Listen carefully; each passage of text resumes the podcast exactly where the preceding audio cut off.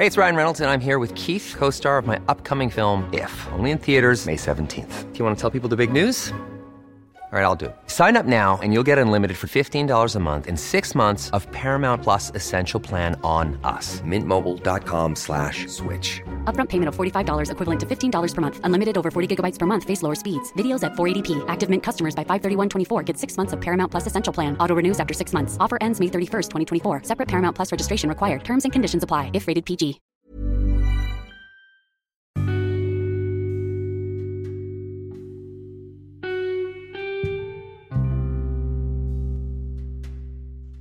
Bertepatan dengan hari yang fitri ini, tradisi kita adalah saling memaafkan satu sama lain.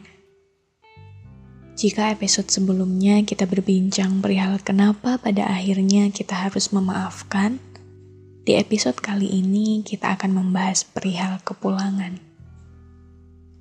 Sebab makna dari pulang sendiri begitu luas, mari kita bersempit tafsirnya ke arah pulang pada sebuah awal yang baru harapan-harapan baik di momen ini, juga segala maaf yang saling diberikan untuk memulai awal baru lagi seperti yang sudah-sudah, bisa kita maknai juga dengan sebuah pulang ke tempat semula, kembali pada yang paling inti, dan memulai semuanya dari awal.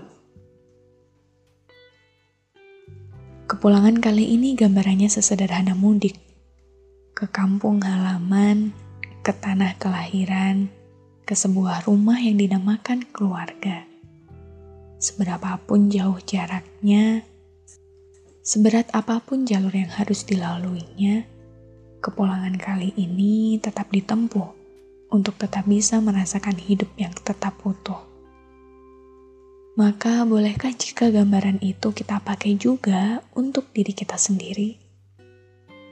Kepulangan kita pada kita Ibaratkan sehangat pelukan ibu, kita pulang pada diri kita sendiri untuk kembali memeluknya erat setelah perjalanan panjang yang kita lalui. Kita kembali menyapa diri kita sendiri untuk tetap mempertahankannya utuh dari segala naik turunnya hidup yang kemarin begitu melukai. Pernahkah kita pulang padanya? Pada diri kita yang tidak pernah meninggalkan kita sendirian, yang paling mengerti batas-batas kemampuan diri kita sendiri, yang paling mencintai kita dan paling memahami suka duka yang kita terima. Pernahkah kita bertanya kepadanya, "Apa kabar aku hari ini?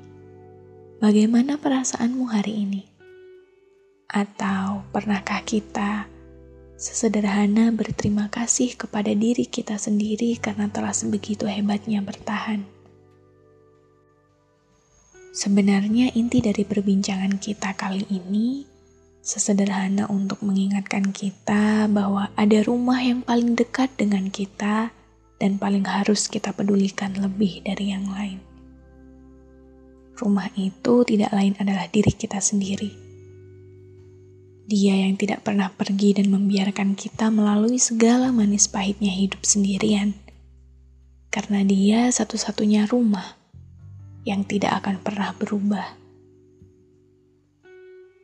Maka semoga setelah ini kita selalu ingat, meski belum bisa sesering merindukan orang yang kita sayangi, kita bisa selalu merindukan diri kita sendiri kita selalu bisa ingat untuk pulang padanya, berterima kasih padanya, meminta maaf padanya, dan selalu memahami dan mau membaca dengan benar segala keluh kesahnya, senang sedihnya, syukur dan kecewanya, hingga kepulangan kita pada diri kita sendiri selalu bisa menyelamatkan kita dari keputusasaan yang terkadang tidak bisa kita bagi pada hidup manusia lain.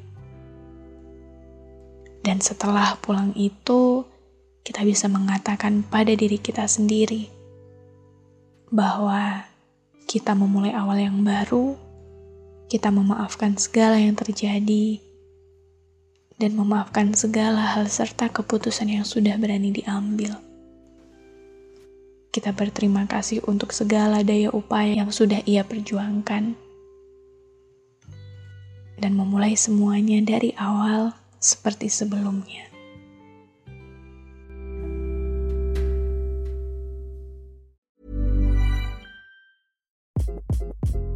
Hi, this is Craig Robinson from Ways to Win, and support for this podcast comes from Invesco QQQ, the official ETF of the NCAA. The future isn't scary. Not realizing its potential, however, could be. Just like on the recruiting trail, I've seen potential come in many forms as a coach. Learn more at Invesco.com slash QQQ. Let's rethink possibility. Invesco Distributors, Inc.